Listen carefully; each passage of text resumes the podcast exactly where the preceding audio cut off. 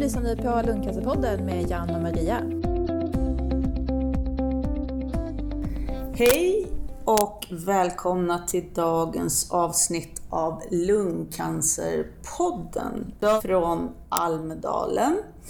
Och med mig här har jag Karin Liljelund. Hej Karin! Hej Jan! Och hej Mia Rajalin. Hej! Ni båda två sitter ju med i Lungcancerföreningen. Mm. Och vi tre har varit här i Almedalen och avverkat det ena seminariet efter det andra. Mm. Helt trött i huvudet, ja. Och fötterna. Ja. Och fötterna, ja. Men jättespännande, fantastiskt. 3800 olika seminarier totalt här. Ja, och jag vet inte hur många det är på som angränsar till vårt område, Nej, till cancer. Det är, väl... det är mycket. Det är mycket. Och vi kommer inte att berätta om seminarium för seminarium, utan jag tänkte att vi, vi sammanfattar de seminarier vi har varit på lite mer övergripande och, och bara reflekterar över det vi har sett och hört. Om vi börjar så kan vi väl säga att det fanns ju några ämnen som var mer eh, återkommande. Om vi tar det första så är det väl en fortsättning på också förra året och året dessförinnan och det är ju AI, artificiell intelligens. Vad säger vi om det? Ja, det, det kommer ju mer och mer och det är ju, tror jag, en, eh, kommer att vara en otroligt eh, viktigt verktyg för vården framöver. Och vi ser ju redan där det har börjat införas, vi kan ta hudcancer till exempel, där man idag kan gå till vårdcentralen och ta ett kort och sen direkt skickar man det till en hudcancerklinik och där datorerna då med tusen miljonfalls bättre säkerhet kan liksom tyda de här bilderna än vad de bästa onkologer kan. Ja. Och det ser vi ju dessutom, nu togs inte det upp specifikt här i Almedalen, men det finns ju en studie som till exempel i, eh, i tolkning av röntgenbilder ja. på lungcancer eh, var mer precis än vad onkologer. Ja. Nu ska vi inte nedvärdera deras prestation, men ändå att se, där har vi ju en otrolig mm. möjlighet att också använda oss av, av ny teknik för att, mm. att till exempel tolka röntgenbilder och avlasta mm. sjukvården idag. Många av oss upplever ju just att till exempel att få en tid till röntgen tar lång tid och mm. en längre tid att få, få svaret på våra röntgen. Och sen är det ju de här avancerade, alltså magnetröntgen av hjärna till exempel, det klarar ju inte vanliga onkologer av. De kan ju titta på kanske datortomografi och lungröntgen. Men där krävs det ju specialist och det tar ju tid. Den datorn kan ju göra det där på nolltid. Mm. Och som du säger, göra det bättre än alla onkologer tillsammans. Och vi har ju just avslutat ett eh, runda bordsamtal där du och jag, Mia, satt med och du Karin i slutet. Och då diskuterade vi just också mycket hur man kan använda sig av eh, digitala hjälpmedel för, för tidig upptäckt. Just i form av larmsystem och så. Och det finns ju i mångt och mycket redan idag, men det finns ju hinder också. Det är någonting som också återkommit under veckan. Det är just det att än så länge så utgör ju juridiken också ett hinder här, lagar och regler, just hur man får dela mm. information. Mm. Sen har det ju varit, tekniken finns ju, det är alla överens om och används till viss del. Men många i vården känner sig inte trygga med att använda den. Och det var ju på förslag på ett av de seminarier som vi var, att personal faktiskt ska få tid att sätta sig in i de här nya systemen så de inte känns som ett hot eller svårt, för alla är inte så väl bevandrade i tekniken, mm. eller, utan, eller... utan kanske vill över lämna det till en IT-avdelning. Men det har vi inte, utan alla måste eh, bara kunna det här systemet till exempel. Och sen att de måste se som faktiskt som en avlastning. Det finns en viss rädsla har vi förstått just under seminarierna när vi har träffat läkare att det ska innebära ytterligare ett arbetsmoment. Mm. Men det är ju någonting som faktiskt också så småningom vi patienter också kanske kan vara delaktiga i. Mm. Och på sikt så blir det ju otroligt mycket avlastande. Mm.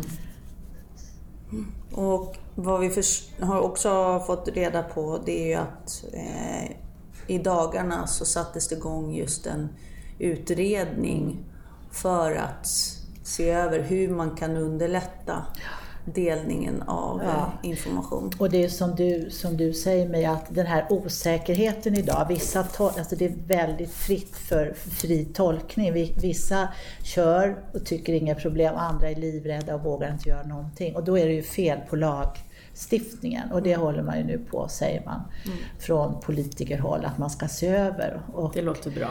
Vi hoppas att det inte ska ta flera år utan mm. att de får raska på.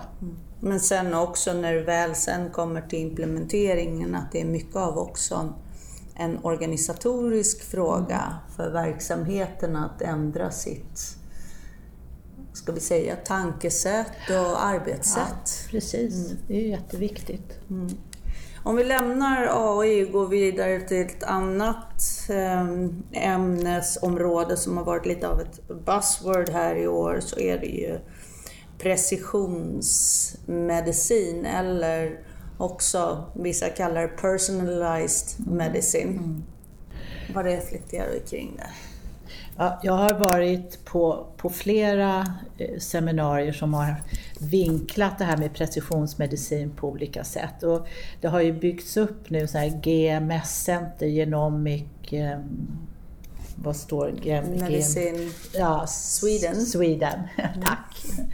Och eh, där har, ju, där har man ju också nu lyckats komma samman med, med universitetssjukhusen för att göra det här eh, på ett effektivt sätt tillsammans. Och här finns ju en oändlig potential och man har ju på bara nu några år kunnat liksom identifiera eh, hela DNA-kedjor på tid av några dagar som förr tog liksom flera veckor.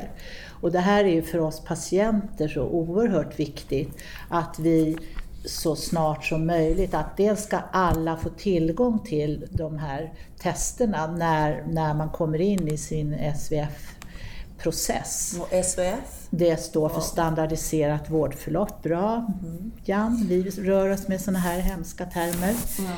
Och sen även för alla oss som inte då ja. ingår i SVF, en standardiserad ja. vårdförloppet. Så mer eller mindre alla vi som, som väntar på en diagnos. Mm. Visst. Och att ha den här kunskapen om förändringar i DNA, mutationer, det är ju också förutsättningen för att kunna utveckla när nya läkemedel, målstyrande läkemedel och annat, som ju har varit en sån otrolig framgångsfaktor. Framförallt skulle jag vilja säga inom lungcancerområdet, mm. men naturligtvis även inom andra områden. Så att det, det är ju någonting som, som vi verkligen hoppas på att det ska utvecklas. Du nämnde tidigare här nu SVF, standardiserat vårdförlopp. Och det har ju varit eh, också uppe på tal i många seminarier och idag medverkade vi vid ett seminarium som eh, Regionalt cancercentrum hade, då vi just talade om standardiserat vårdförlopp. Och där satt Jan i panelen och gjorde en jättebra insats. Tack så mycket. Vad kan vi säga om eh, SPF? Vi kan säga att för det första reagerar jag på när man presenterar siffror på hur många förlopp som har infört standardisera eller många diagnoser kan man säga då, som har infört standardiserat vårdförlopp. Det tycker jag är ganska ointressant. Det intressanta är ju sen hur ser den här ledtiderna ut i förloppet? Det är ju det som är det intressanta att mäta. Det gör man i och för sig också. Mm. Och ledtider? Det är hur många dagar det ska ta i, mellan de olika delarna som ska ingå när det gäller röntgen, när det gäller biopsier, alltså man tar prov på metastasen. Allt det som behövs innan man kan komma fram till vilken behandling patienten ska ha. Och ju bättre sån här grundstudier man gör, ju mer man vet om tumören innan man behandlar, ju bättre resultat blir det för patienten. För man hoppas ju få slippa bli utsatt för en behandling som kanske inte har bra resultat, så bra resultat, men man får en väldig massa biverkningar till exempel. Och där ser vi att det är helt oacceptabla skillnader mellan olika delar i Sverige när det gäller de här olika tiderna för hur lång tid det tar. Mm. Vad vi kan se också, eller vad man kan ana, det är också att det är kopplat till överlevnaden. Ja. För tyvärr inom lungcancer så är det ju så att ettårsöverlevnaden, och just i vissa delar av landet, är betydligt lägre än i andra. Och att det på pappret ser ut att finnas en koppling till att vårdförloppet, ledtiden, är längre. Mm.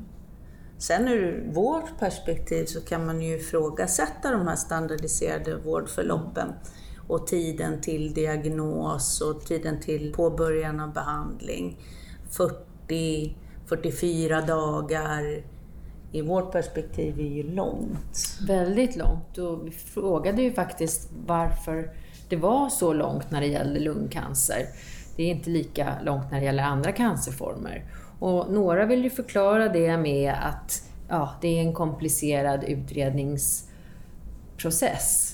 Men det verkar ju ändå vara som att eh, det går att göra på andra sätt och det finns ju exempel på det internationellt. Det finns bland annat ett program som heter Rapid Program i England, i Manchester, där de lyckats just att göra hela flödet från remiss till att man gör röntgen, biopsi och så. Ja, remissen kommer dag ett och så genomgår man alla undersökningar dag två. Och då kan du som patient få veta om du har lungcancer eller inte. Och deras ambition är att man inom sju dagar ska få sin diagnos och inom 14 dagar påbörja sin behandling. Och de har jättefina siffror. Ja. Och de ifrågasätter själva varför har vi, varför har vi inte gjort så här förut? Mm. Men vi fick ju då tillfälle, inspirerade av det här, ställa frågan till en regions sjukhusdirektör, en av sjukhusdirektörerna i en stor region. Och han var ju med på noterna och undrade varför vi inte skulle acceptera att det bara tar sju dagar. Mm. Och sen är väl en fara också, om jag tänker på de här standardiserade vårdförloppen, det är ju att vi som inte är i riskgruppen, du Karin, jag och du Mia, mm. alla vi tre är icke-rökare, mm. eller aldrig rökare. Mm. Och då hamnar ju vi utanför det standardiserade vårdförloppet i och med att välgrundad misstanke inte, inte föreligger.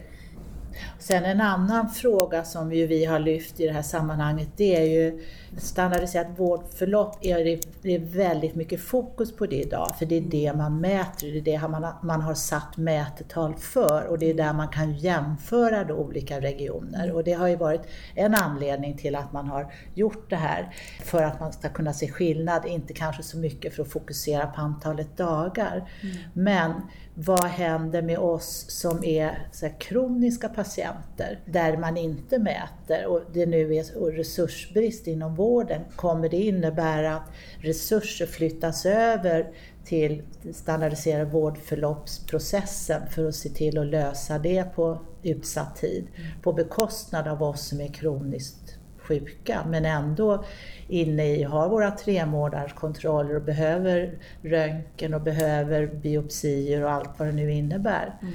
Och det såg vi ju tydligt förra gången då regeringen införde en kömiljard. Så prioriterades just köerna och vi som var kroniskt sjuka, vi drabbades ju av det här. Nu ska en ny kömiljard införas en version 2.0 och Lena Hallengren har lovat att det inte ska ske på bekostnad av oss kroniker och då kan vi ju fråga hur, hur det ska mm. gå till. Mm. Sen är det ju intressant när du tar upp det här med kömiljarden. För det har ju det visat sig att när, när man införde den, då gick kötiden ner. Sen när pengarna försvann, då gick det upp igen. Och det var ju många, flera som påpekade idag på seminarierna att de pengarna, de är liksom en droppe i havet när man ser till de totala kostnaderna. Att det, det här ekonomiska incitamentet inte har någon större betydelse på, på lång sikt. Och det kanske visar sig det här, man kanske behöver vidta andra åtgärder. Mm. Och det var en diskussion också idag ju om man skulle se det som att många gånger de här olika siffrorna, att uppnå målen, det finns ju ingen direkt morot. Moroten är väl att uppnå målet och att det ser bra ut på pappret. Mm. Men sen att det, det saknas riktiga, kanske mer långsiktiga, hållbara morötter, kan vi säga så. Och sen eh, vissa ifrågasatte också om det kanske borde finnas piskor. Mm. Att om vi inte uppfyller målen, om det ska utgå någon sorts Vite. Ja. vite. Jag har pratat en del om resurser och hur vi ska fördela våra resurser när det gäller ja, vilka läkemedel man ska använda och försiktighet kring det. Men det gör man ofta tycker jag när någonting börjar kosta lite och kräver en förändring. Men när det gäller andra diskussioner kring resurser, som jag var ju, satt ju i panelen på ett seminarium som eh, SYLF, Sveriges yngre läkares förening, anordnade där man diskuterade bristen på AT-tjänstgöringsplatser för utbildade läkare i Sverige. Det saknas alltså 500 AT-tjänster och man väntar i genomsnitt, tror jag, 15 månader på att få sin tjänstgöring, som alltså är en utbildningstjänst och som vi behöver för att vi ska få eh, legitimerade läkare mm. som sen kan fortsätta på sin specialisttjänstgöring. Och alarmerande siffror från SYLF var att var tredje läkare faktiskt kan tänka sig att lämna sitt yrke. Och det är ju skrämmande är med tanke på den resursbrist vi har. Ja, och det här kostar ju väldigt mycket. Ja. En läkarutbildning kräver många resurser och om vi sen bara förlorar dem på vägen. Sen för att återgå lite till det här med standardiserad vårdförlopp, och ni nämnde det här exemplet från Manchester, så fick vi idag också höra om ett eh, exempel från Uddevalla där man också under en dag hade komprimerat, det var, det var jag tror det var prostatacancer mm. eller urinblåscancer. Där under en dag gjordes allt och när de gick därifrån så fick, hade de fått tid för operation då någon vecka eller tio dagar senare. Ja, de kallar det one stop shop. Ja, mm. precis. Och det var ju många som sa oj, åh, fantastiskt. Och då, då, frågade Moderat, ja men det här måste ju vara jätteintressant för vården. Ni måste ju få massor med studiebesök och höra vad, hur har ni lyckats med det här som ingen lyckas med? En, ett studiebesök hade de haft under de här två åren. Och det säger, vi pratar om det här med samarbete, det är ju märkligt liksom att regionerna är så mycket ska göra själv och tro på sig själva och inte kan lära, lära. av goda exempel, ja, både Bara... i landet och ja. utanför landet. Tänk vad vi skulle spara pengar mm. och resurser på det. För att avsluta också tankarna där som gick om, om eller går om eh, SVF. Det är väl också att ibland kan det finnas en fara i eh, just att sätta x antal dagar för att det blir lite som det var någon i ett seminarium som liknade med att ett bygglov. Mm. Har du x antal dagar så tar det x antal dagar istället för att göra sitt bästa mm. för att åstadkomma, uppnå målet inom kortare mm. tid. Och sen så också faran är att när man väl har gått över den tiden som förväntas av standardiserat vårdförlopp, att man inte bryr sig, för då har man redan mm. liksom missat chansen att uppnå standardiserat vårdförlopp. Och där ser vi ju också många exempel på att det tar mycket lång mm. tid, för lång tid, till diagnos och, och start av behandling.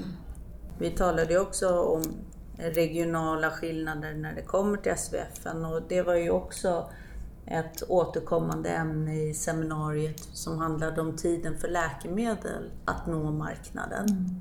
Just.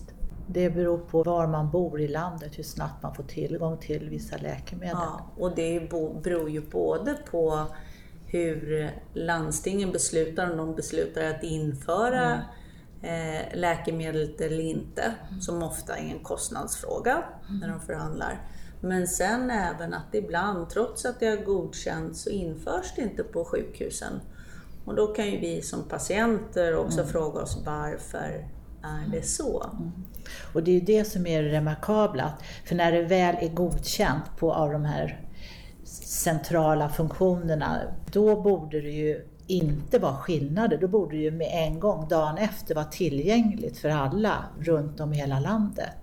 Det är ju helt galet att det ska vara, kunna skilja på flera månader vilket gör att folk hinner, hinner dö för att de inte har fått tillgång till läkemedel som finns om de hade bott någon annanstans. Ja. Och där hade vi ju också en representant från en privat vårdgivare mm. som i vissa fall när det inte godkänns av MT-rådet så kan man genom att söka vård mm.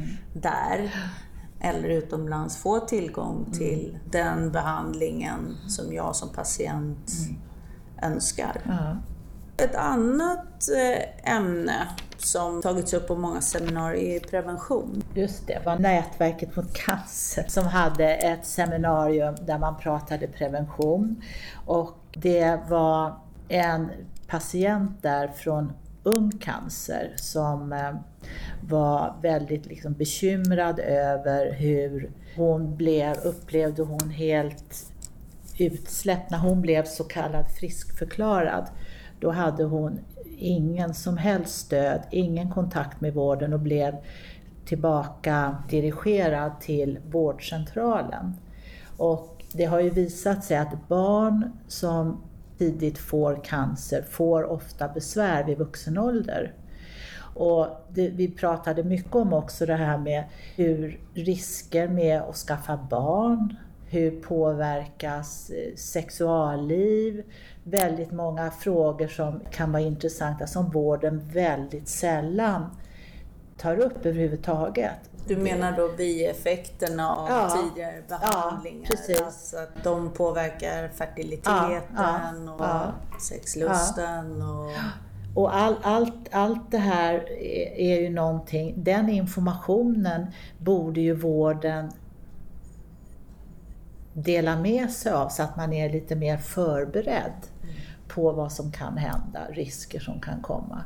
Och sen upplevde ju må många, det gäller ju inte bara barn som då blir kopplade över till, tillbaks kanske till, till vårdcentraler, utan det gäller ju även cancerpatienter som blir friskförklarade och får återgå till vårdcentralen när det plötsligt uppstår problem. Och vårdcentralerna har väldigt lite kompetens för att göra de här kopplingarna.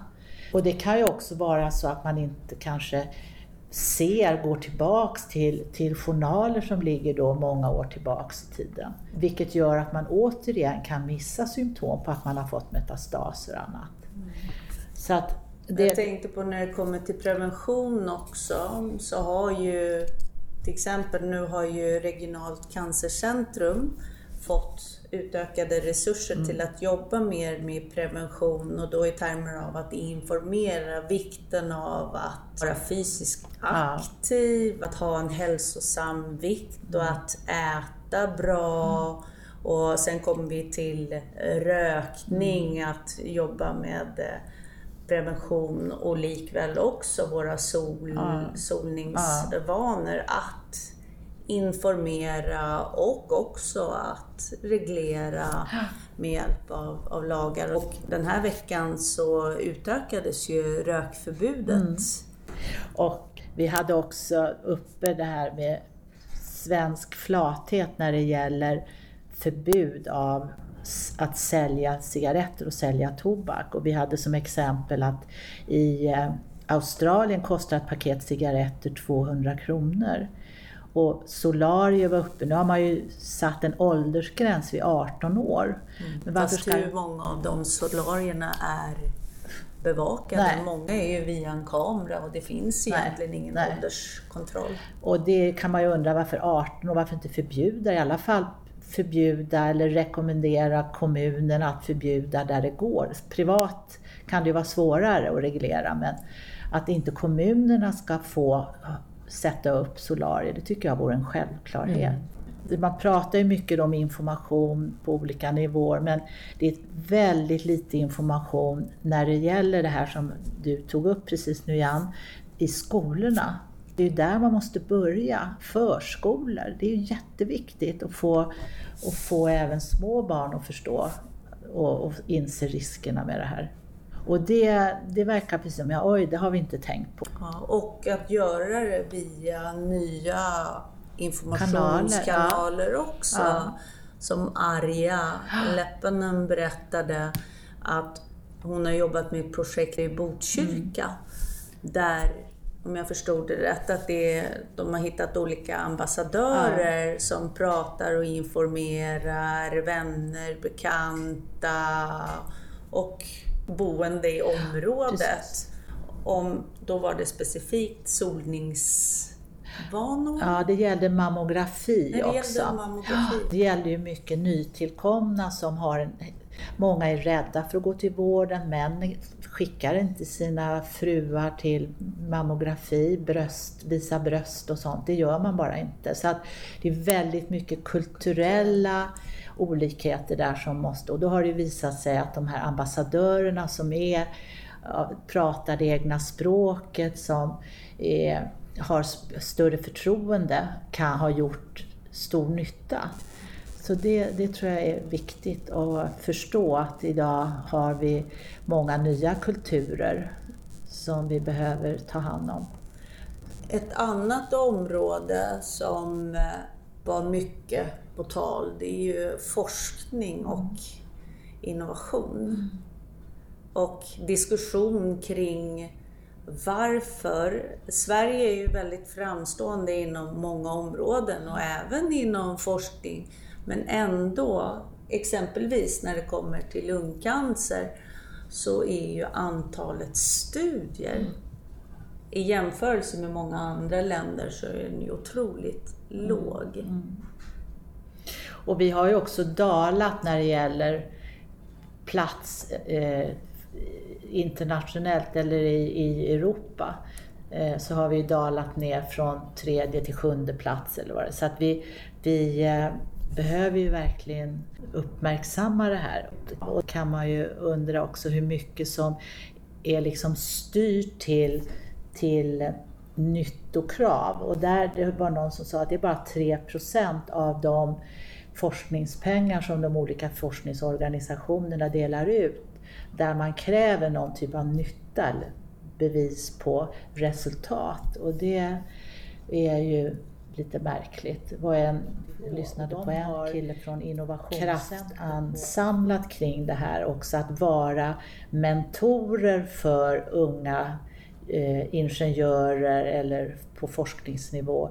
För att tidigt få dem att inse och beakta det här med nyttan. Alltså vad, vad, vad ser ni att den här forskningen ska leda till för att så småningom då kunna söka patent och sen att det ska komma ut i på något sätt, inte kanske som en produkt, men ett ändrat arbetssätt eller Och där upplever vi ju också att det finns ett visst hinder. Det, det finns mycket innovation men sen att få till det, att införliva det i vården, att det där finns strukturella hinder och det känns även här som i vården övrigt att det finns en del stuprör. Därför skulle ju vårdpersonal behöva bli införlivad och involverad i forskning i ett tidigare stadium. Alltså det skulle vara som en del av arbetet helt enkelt. Och man skulle kunna utföra mycket mer klinisk forskning på de olika sjukhusen och enheterna.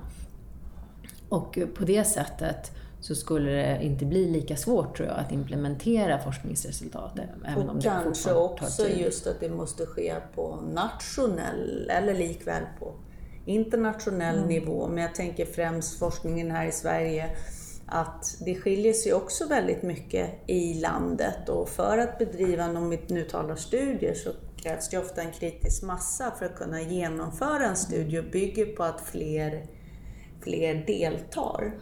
Så att, att det då inte ska ta av den specifika regionen eller sjukhusets resurser utan det ska finnas resurser till ett gemensamt ett projekt. Mm. Och sen också, tänker jag, det är ju tid. Mm. För idag så känns det som att också förväntan är på många att det ska ske utöver deras befintliga arbetsuppgift. Mm. Att det måste avsättas dedikerad tid, tid likväl till att träffa patienter som till att uppdatera sig om det senaste inom området, om man inte forskar själv, mm. eller till att forska. Och sen är det väl också lite, jag tänker, det är lite av ett mindset. Mm. Om vi jämför med, med andra länder, om jag nu tar USA eh, som exempel, så är det många sjukhus som har ett motto att alla våra patienter ska få vara med i en studie. Mm alla våra patienter ska ha tillgång till det senaste. Mm. Medan i Sverige, många av oss patienter har ju fått höra, nej, det är inte aktuellt för dig att delta i en studie för att du, det finns en fungerande mm. medicin. Mm. Men den dagen då ingenting annat fungerar, då kan vi överlägga mm. att du är med i en studie. Så det blir lite last resort mm mentaliteten mm. istället för first mm. resort kanske. Just. Sen ett annat eh, ämne som diskuterades mycket det är ju organisation och ledning eh, inom eh, vården. Vi var på ett seminarium där alla fick på något sätt placera den svenska vården i en fyrfältare och det var ju nästintill, hur många procent var det Mia? Som 97? Ja, något, sånt. Som eh, uppfattade svensk vård som hierarkisk och ja, vad var det? Ja, hierarkisk modell i alla fall. Mm. Mm. Medan en önskan fanns att det ska bli mer nätverks och eh, processorienterat. Och just att i mångt och mycket att de förändringar som, som vården står inför handlar om att ändra kulturen. Mm. Och många gånger är, ju, är det ju en ledningsfråga. För tyvärr är det ju så många gånger att personer i led, ledande positioner man tar läkare, och de är säkert fantastiskt duktiga som läkare men de kan många gånger vara värdelösa som ledare. Och att man i ledningsgrupper och annat behöver inte ha en läkare som, som ledare för, för kunskapen finns i gruppen. Och eh, det togs också upp det här med processkunskap, att styra på det sättet. Det saknar många av läkare och andra, de kan, har inte den kunskapen. Och att man istället, det var ju en önskan från eh, klinikchefen i en större region, att där borde vården få stöd av de som kan och är experter på det här, så att de får ägna sig åt det de är bra på. Mm. Och det, alltså, så det känns som mycket är frågan om att utnyttja resurserna på rätt sätt och ta hjälp av andra där det behövs. Och jag vet inte om det också har med det du var inne på Jan, med hierarkin och man ska klara själv och, och många gånger så är ju förändringsbenägenheten inte så stor heller. Man gör på samma sätt som man alltid har gjort. Och det krävs nog rätt mycket för att vi ska få till en förändring. Ja, och där kommer ju också, som vi började dagens avsnitt med, just med digitaliseringen. Ja, jätteviktigt. kommer ju ställa helt ja. nya krav ja. på andra på, arbetssätt. och, på framtidens vård och arbete inom vården. Absolut. Och, men en möjlighet för oss alla. Och sen togs det också upp det här, i dagens läge så det är, och mycket tack vare media, så får ju vården bara skit nästan. Det är fel på allt och ingenting fungerar. Och många lyfter det här att vi måste få in liksom lite positivism i tanken. Den här stackars personalen som, som jobbar där och bara får höra att de jobbar på en skitarbetsplats, de slutar. Det ser vi också nu. Det är många, både läkare och sköterskor, som, som lämnar och går över antingen till privat vård eller gör något annat, går över till läkemedelsföretag eller annat. Och det är ju det är förskräckligt när vi samtidigt har resursbrist att många av våra kanske bästa kontaktsjuksköterskor och läkare lämnar. Och det ska vi ju faktiskt inte glömma. Det är ju ändå att svensk vård, svensk cancervård, är, är i världsklass. Ja, Men det betyder inte att... Och inte kan bli bättre. Exakt. Nej. Precis, det vi, måste, vi är bra men vi kan bli bättre. Mm. Ja, det var lite våra reflektioner över Almedalen 2019. Jag vill tacka er, Karin och Mia. Tack för att ni var co-hosts idag. Tack Jan. Tack för att vi fick vara här. Ja. Tack. Och så vill vi önska alla där ute en riktigt skön sommar. Tack och hej! Hej hej! Tack för att du lyssnade på Lundcancerpodden med Jan och Maria. De senaste avsnitten hittar du alltid på lundcancerpodden.se eller i din podcast-app.